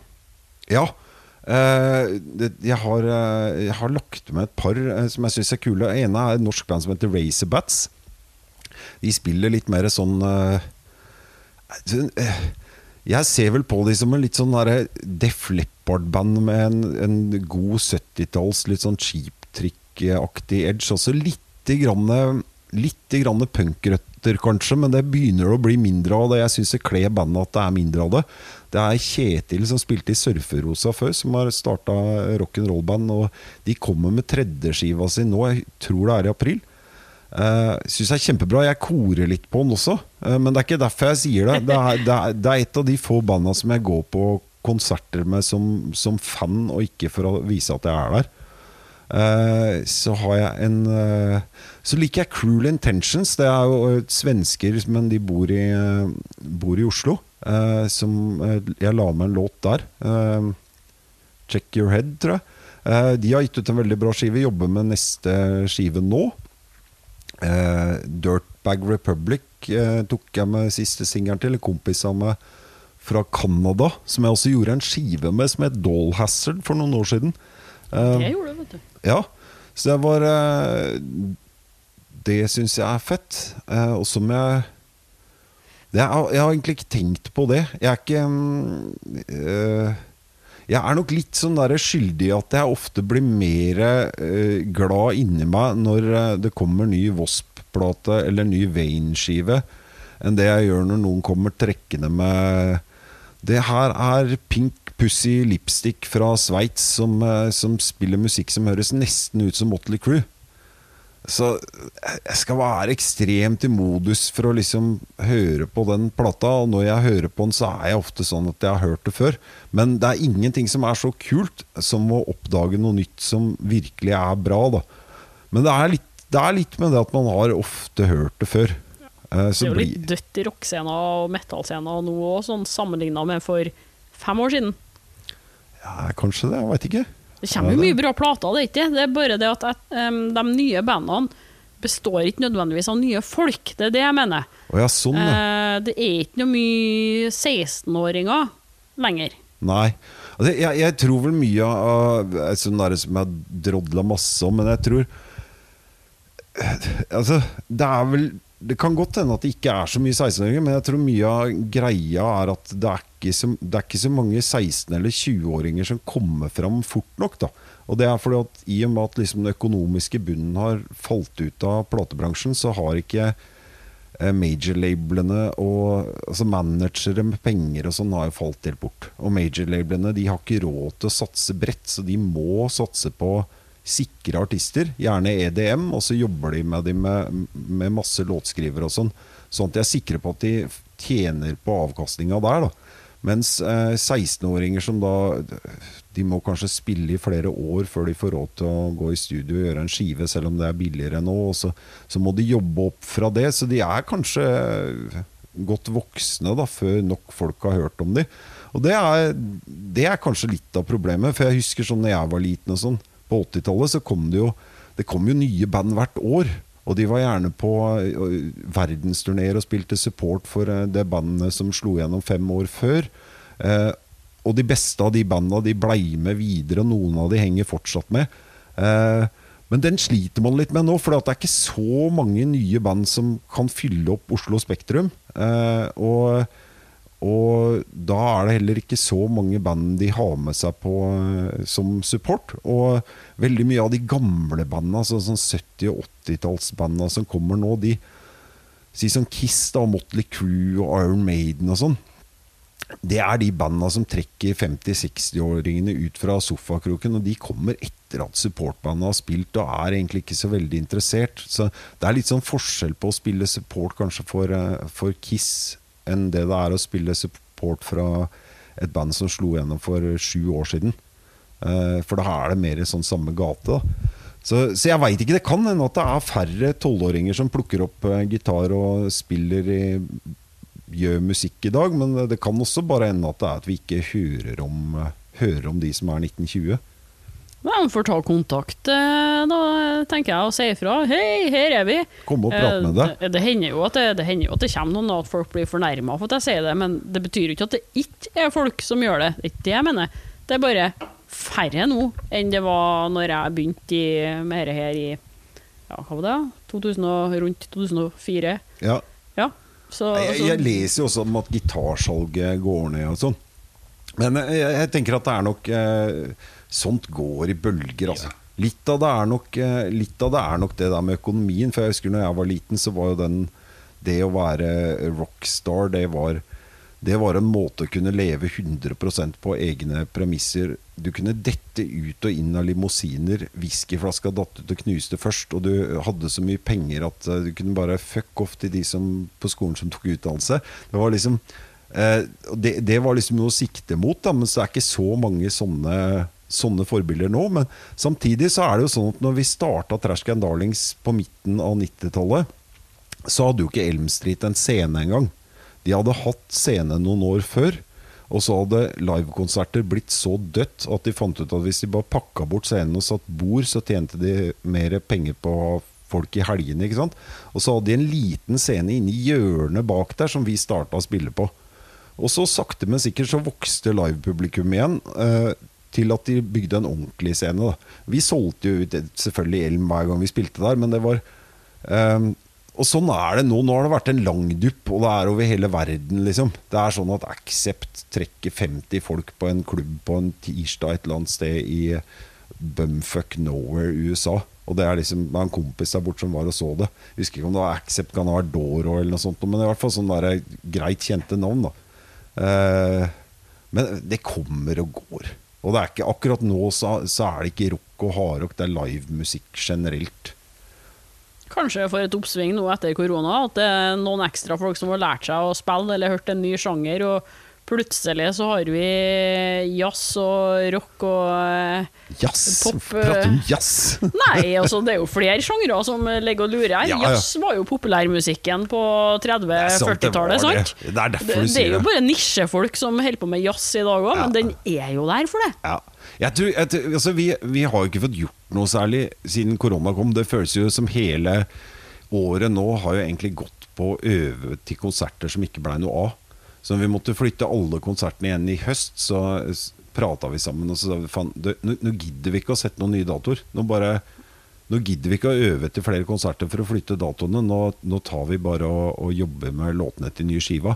Men i løpet av korona så gjorde vi én streamingkonsert. Eh, det var jo greit nok. Og så har vi gjort to sånn um, restriction-konserter. Ja, er folk sett, og det er Ja, ja. ti stykker i publikum og sånn. Ja, litt flere, men det var faen ikke mye. Vi gjorde en i Tønsberg, og så gjorde vi en i eh, Trondheim. Og det som, eh, det som var greia, det blir jo en litt sånn ukul og litt sånn spesiell feeling med at folk må sitte, og at det er litt sånn strengt og ikke skal ta og sånn.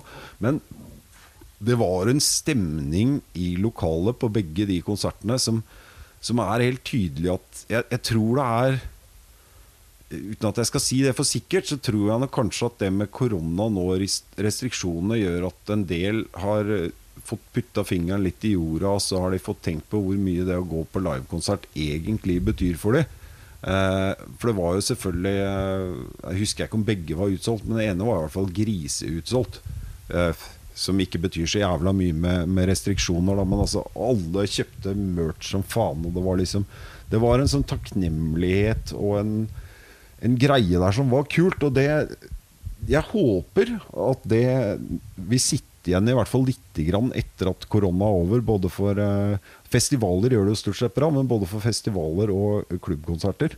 Eh, og det er liksom Det er ikke mer enn det som skjedde på Det var ikke korona, men det, var ikke mer enn noe sånt som trenger for å snu litt på eh, Gjorde på 90-tallet òg, liksom.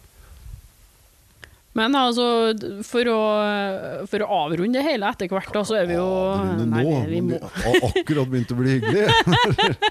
Nei, det er ikke det, altså nødvendigvis avrunde, men avrunde her med For det å snakke om, om korona, det er, det, det er viktig, men gammelt og kjedelig. Dritkjedelig. Og siden vi nå sitter og har syntes synd på oss sjøl i et år her, Ja. så må vi jo heller grave i noe gammelt og artig. Altså, jeg har jo bedt deg Jeg brukte å be folk forberede seg, egentlig.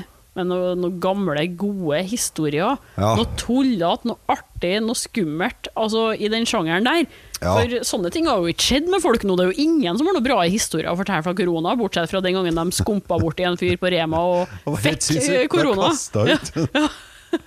Jeg hadde, jeg hadde lyst til å fortelle en liten historie om da jeg tok bussen opp her i stad. Ja, det kom på en mann som ikke hadde munnbind. ja, kom på. Så jeg bare Jeg sa, sa til ham at nå må du ta på deg munnbindet ditt. Så, så ble han bare kasta Nei ja. Um, ja, faen. Jeg har jo selvfølgelig masse, masse historier. Vi har em, Spesielt kanskje på utenlandsturneene til, eh, til Trashcan Darlings så var det, var det mye å plukke fra. Men eh, det er ikke så spennende eh, nå, liksom. Men av, av nyere historier så har vi vel Så er det også litt å plukke fra. Vi hadde Vi, vi hadde en spillejobb i Senja, husker jeg. Eh, Vi hadde, altså Forhistorien her, da. Vi hadde en manager som var lystløgner av rang, og bare sånn tåkefyrste som var ekstremt krevende, fordi han tok så jævla mye oppmerksomhet, og det var ikke noe av det han prata om som blei noe av, eller noe som helst sånn.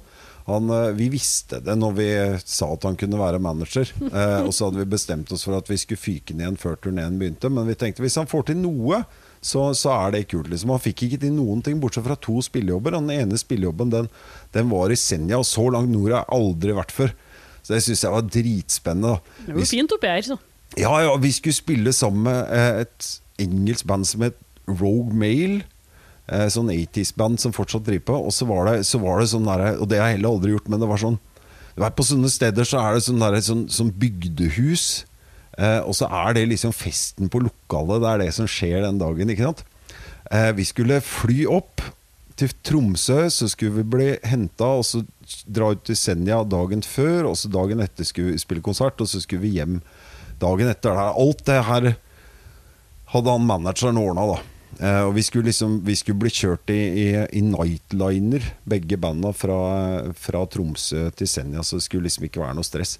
Em, så kommer vi på Gardermoen, og så har vi tatt med altfor mye merch i en ikke merch-flight, men en helt vanlig koffert som gitaristen uh, Lazy Leather, som spilte gitar på den sida, tida, kunne avse.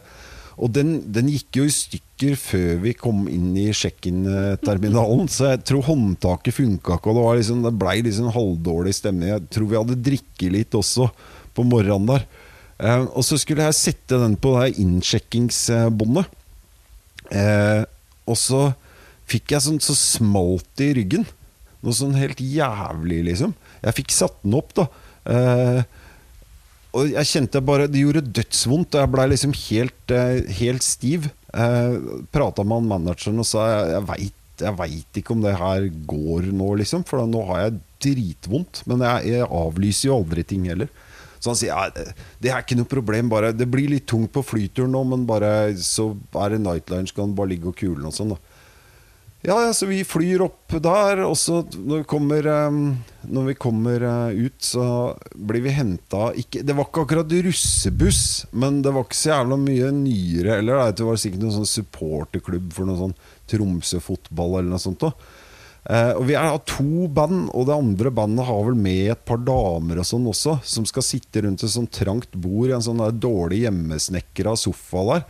Så vi sitter der, og, så, og det er en ganske lang tur òg. Fra Tromsø til Senja. Det er, liksom, det er ikke gjort på kvarter. Sitter der. Uh, vi har kjørt i fem minutter. Jeg kjenner igjen det her går ikke. liksom Jeg er ikke sånn som pleier å klage over sånn. Jeg er stort sett ganske morsom å være på tur med. Sier jeg sjøl i hvert fall. Eh, så har vi kjørt lite grann, og så bare, må jeg bare si du, vi må bare Dere må kjøpe øl. For jeg, jeg klarer ikke det her, liksom. Hvis jeg ikke er drita full, så går det ikke. Så de stopper og kjøper et par kasser øl, og jeg sitter og drikker og drikker og drikker, og da begynner det å bli litt bedre, da. Og så kommer vi fram til, eh, til Senja, og der, der, der skulle vi få bo i et hus, og det var faktisk sant. Det var en eh, dame som bare hadde tatt med seg familien sin, og så flytta til noen andre familiemedlemmer, så kunne vi få låne huset som vi ville sjøl. Kom til og med innom og spurte om skulle, hun skulle handle noe mer. og sånn Jeg kom meg jo ikke opp trappa i det huset, så jeg måtte bare gå i et av de soverommene som var nedpå der. Jeg fikk ikke av meg cowboybootsa engang, så jeg måtte bare legge meg ned med alt på. Våkner opp dagen etterpå er i enda dårligere form, og det er den dagen vi skal spille konsert. Og så tror jeg jeg har fått når jeg har spurt om noe smertestillende og sånn dagen før, og da får jeg Paracet. Og så kom det en med Og jeg er ikke noe fan av minus, egentlig, men liksom noen ganger så kom det en med noe Paralgin forte, så tenker jeg det er liksom er det det? Skal jeg gjennomføre en konsert på det her? Åssen skal det gå? Jeg klarer ikke å stå så lenge engang. Eh, og så går det utover dagen, da. Og de andre har vært på fest og kosa. Og det hadde jo til og med Jeg tror til og med det var to damer som hadde vært med tilbake fra puben, som hadde lesbesex i en seng oppe i andre etasje mens han ene i bandet satt og så på og sånn. Så det hadde vært kjempegøy, ikke sant. Og, og jeg lå nedi senga der, fikk ikke vært med på verken ut på byen eller hva, hva de kaller den puben de har på Senja. Men jeg fikk i hvert fall gått ut og pissa på gårdsplassen og sett nordlyset. Da, så jeg har sett det én gang, liksom. Eh, og så til slutt, da, rett før vi skulle gjøre konserten så, For da, nå har, jeg, nå har jeg spist alle trekantene som fins på hele Senja. Alle som har noen medisiner, har gitt det til meg, liksom. Så, ja, og det er fortsatt like jævlig vondt. Og, eh, og fest på lokalet. Og så kommer det endelig en fyr som var ryggoperert året før og hadde morfintabletter. Så han hadde Jeg tror jeg fikk et brett med det, eller det som var igjen av brettet. Da, så sa han noe sånn derre «Ah, det har skikkelig vondt i, ryggen, så skulle jeg ta Og så husker jeg ikke et antall, at han pleide å ta en halv eller et eller annet sånt. Da. Så jeg tok en neve av det da rett før jeg skulle gå på scenen, og så svelga jeg den med, med whisky. Og så tok jeg et par øl, og så kjente jeg Og jeg er ikke så glad i minus, vet du, men det, er jo noen ganger så må man. Så jeg kjente jeg ble sånn varm og måtte klø meg på kinnet og sånn. Og, og så gjennomførte vi konserten. Jeg hadde ikke vondt i det hele tatt. Og, så, og, og, og jeg var med på hele festen. Og dagen etterpå så er jeg like dårlig i ryggen igjen, da, men da, da, Bombe. ja, men da, da kunne jeg i hvert fall bare drikke bort det på flyturen hjem og vite. Så det er vel den morsomste historien, eh, historien jeg har der. Det var ganske en spesiell følelse. Jeg følte meg litt som Johnny Thunders der jeg sto og bare kikka utover publikum, og alt fløyt litt. Og, og var, eh, så det er den jeg har ganske kul eh, Jeg har noen andre kule historier òg, men jeg får holde med den nå, tenker jeg. Og den var veldig fin, den. Ja. Ja, det og det er jo ikke hver dag det er konsert på Senja heller. Nei, vi har aldri fått spille der igjen. Nei, jeg husker, jeg husker dagen etterpå når vi kjørte tilbake. Da, da, det andre bandet skulle ikke dra samtidig, så da ble vi kjørt i personbil.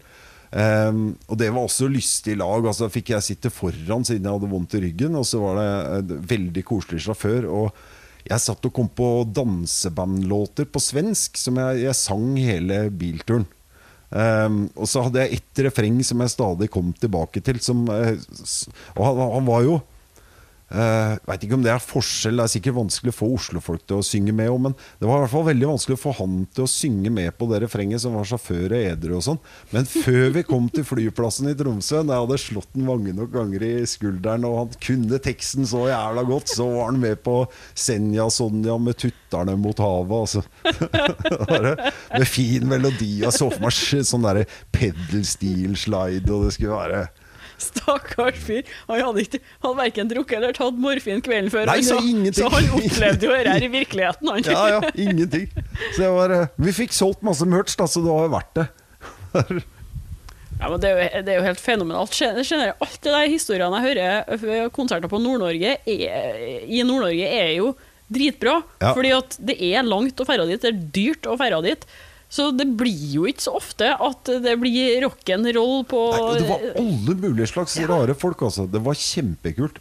Vi hadde jo en, eh, vi hadde jo en annen greie også når vi spilte en festival i, i Belgia. Som vi, eh, vi spilte vel litt eh, tidlig, tror jeg. Så det var også sånn samme greie at du fløy inn dagen før, og så skulle du fly hjem igjen dagen etter konserten. Så vi hadde jo liksom litt sånn free rain på, på flyplassen på, på vei ned, da, og tok jo, tok jo en god fest og sånn. Så, ofte så er det jo sånn hvis du ser ut som et rockeband og sitter på et fly og er det eneste som gjør det, så er de andre litt sånn, der, litt sånn oppgitt i utgangspunktet, for at det er bare slitsomt med folk som har tatt noen øl først og, og maser og sminker på seg og i det hele tatt sånn. Men her, de likte oss, da. Alle de belgierne og nordmennene som satt på flyet, så vi fikk hjelp av passasjerer til å sende whiskyflaska ubemerka flere rader tilbake, også over gangen, sånn at vi kunne ha drinker hele tiden.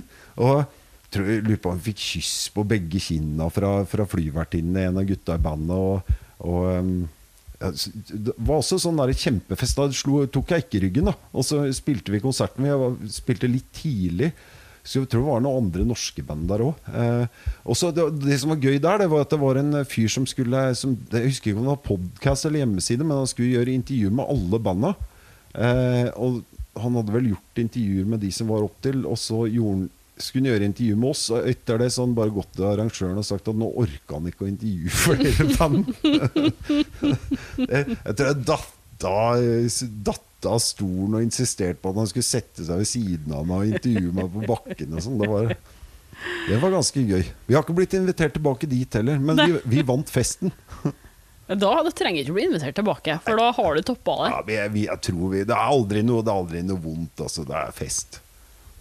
Jeg liker at du forteller så åpent om det. òg. det er en del band som er litt sånn forsiktige med å fortelle sånne historier. For at om de er redd for at uh, mora skal høre det, eller uh, kjerringa skal høre det, det vet ikke jeg. Men det er jo egentlig bare uskyldig moro. Så lenge Ja. du har drept noen, så er det vel greit, ikke sant? Ja, den historien har jeg ikke tenkt å fortelle. ikke, nei, det er foreldrene likevel, det er ikke Ja, nei, men altså, det, er jo god, det er jo god stemning og fest. Det er jo ikke noe, eh, det er ikke noe annet enn det. Så det er ikke noe Det er vel eh, Ja.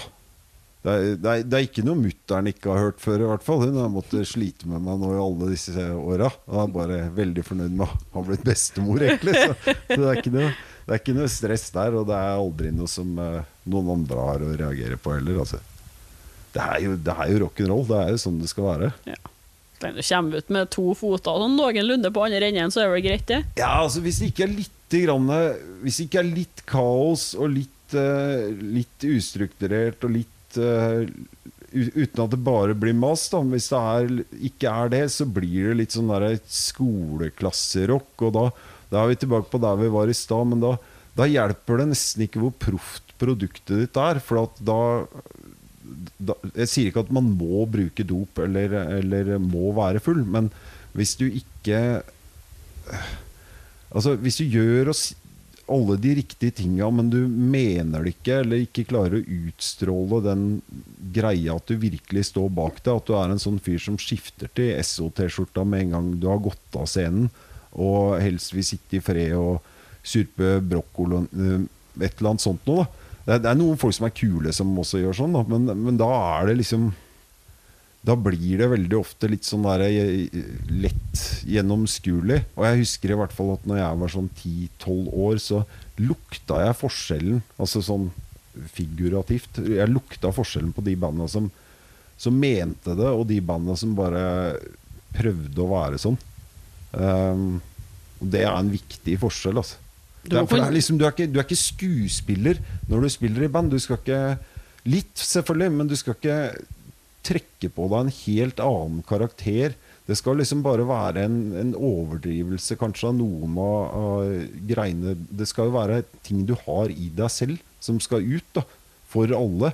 Og da er det på en måte Da er det ordentlig, liksom. Det er forskjell på å være spille Ibsen på Det Norske Teater og spille, synge i Susa Bombers. Du må kunne ha det artig sjøl om du spiker brokkoli. Ja, ja, ja, man kan godt snorte en brokkoli òg, det er ikke noe Bare du har det artig. Ja, ja. Og Ibsen og Suicide Bombers. Ja, det er stor kunst begge deler, tror jeg. Jeg har hørt mye Suicide Bombers, har ikke lest noe særlig Ibsen. Du har hørt et intervju med Suicide Bombers innspilt i februar 2021. Likte du det, kan du f.eks. høre episodene med Backstreet Girls og Michael Monroe. Neste uke får du et gjenhør med Trailer Park Boys. Jernverket var eneste medie som fikk møte dem i Norge i 2015. Let's go for Rocky like a hurricane. Rick Astley, you like Rick I don't Astley like a lot. Astley. No, I don't. These are Pet Shop. Boys, Bubs, you're being a dick. Bronski Beat. No. Hvis ikke du gjør det allerede, så må du abonnere på Jernverket podkast, enten via podkastapp eller på jernverket.kom. Fortell alle du kjenner om podden, og legg gjerne igjen ei god anmeldelse der du hører. Og vil du bidra med noen kroner for at jeg skal kunne fortsette, kan du gi støtte via Patrion eller Vips. Se info i episodebeskrivelser.